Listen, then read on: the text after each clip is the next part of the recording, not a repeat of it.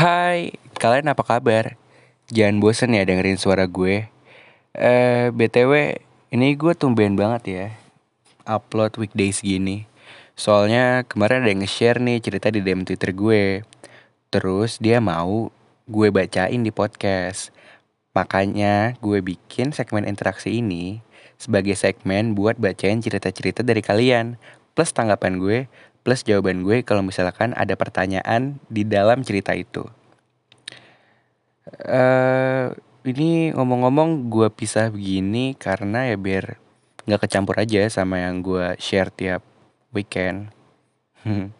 Eh terus gue bakal upload segmen ini ya kalau misalkan ada cerita aja dari kalian. Kalau nggak ada ya gak gue upload. Terus kalau misalkan kebanyakan ya gue pilah. Terus gue pilih gitu. Udah sih. Oh anyway kalau kalian ada yang mau share ceritanya boleh banget langsung follow Twitter gue di is set every night terus langsung DM aja gas gue sama malu-malu.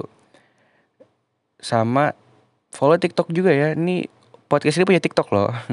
Namanya juga is set every night itu isinya kata-kata gemes gitu deh pokoknya. Ah udahlah gue bawel banget kayaknya deh. Langsung aja dengerin ceritanya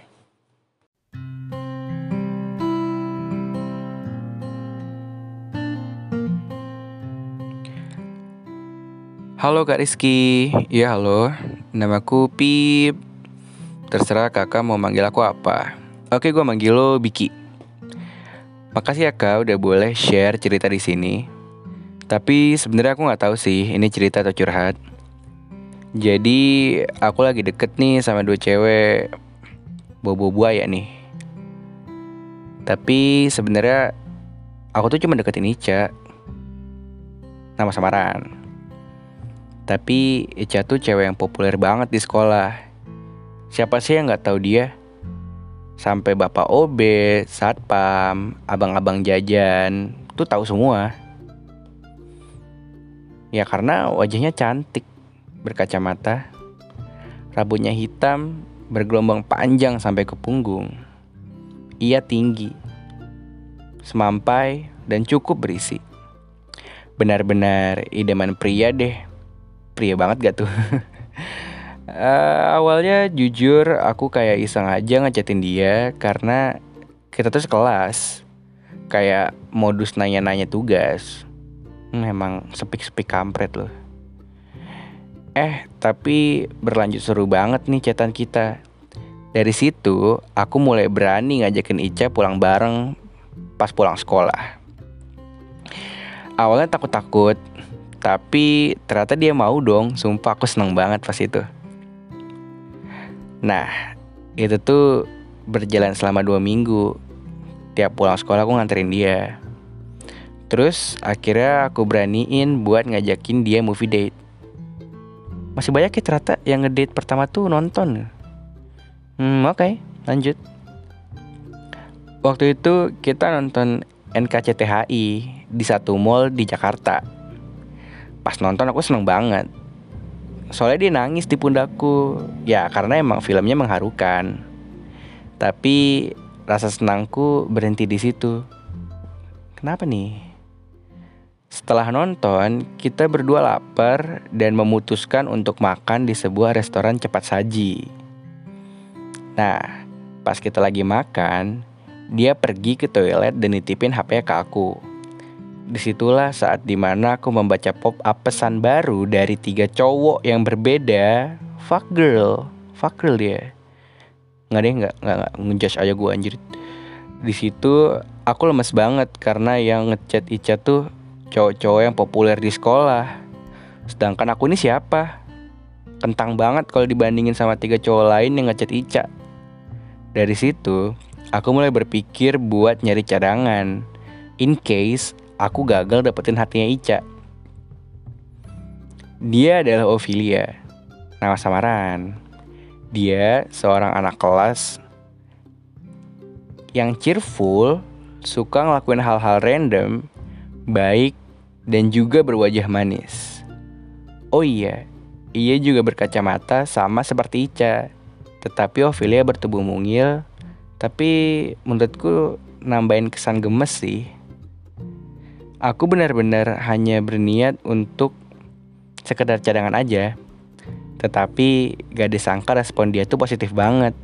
Plus dia tuh care banget sama aku. Sikapnya benar-benar bikin aku jatuh hati deh. Hatiku lulu lantak dibuatnya. Gak seperti Ica, yang meskipun ia cantik, tetapi seperti kurang peduli gitu. Terus Judas. Nah, di sini kak letak kebingunganku. Apakah aku harus lanjut sama Ophelia atau sama Ica? Jujur, hatiku lebih condong ke Ophelia. Tetapi Ica tuh terlalu cantik, Kak. Oke, okay, gue coba tanggepin ya. Uh, Oke, okay, uh, di sini gue bisa tarik kesimpulan. Kalau lo tuh simply cuman pengen status pacarannya aja, nggak lebih. Nggak lebih.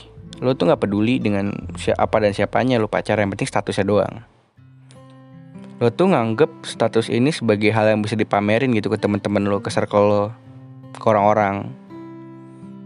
Kok gue bisa ngomong kayak gini? Ya karena satu lo bisa bisanya jadiin Ophelia sebagai cadangan yang mana harusnya nggak ada orang yang deserve buat jadi cadangan. Dia tuh punya hati, men. Bisa-bisanya lo mainin kayak gitu. Gokil sih. Kedua, lo bilang lo prefer ke Ica karena kecantikannya. Di sini udah clear, udah kelihatan banget kalau lo tuh cuma niat pacaran buat pamer. Weh ini lihat nih cewek gue cantik Pamerin ke teman-teman lo Ke semua orang ya kan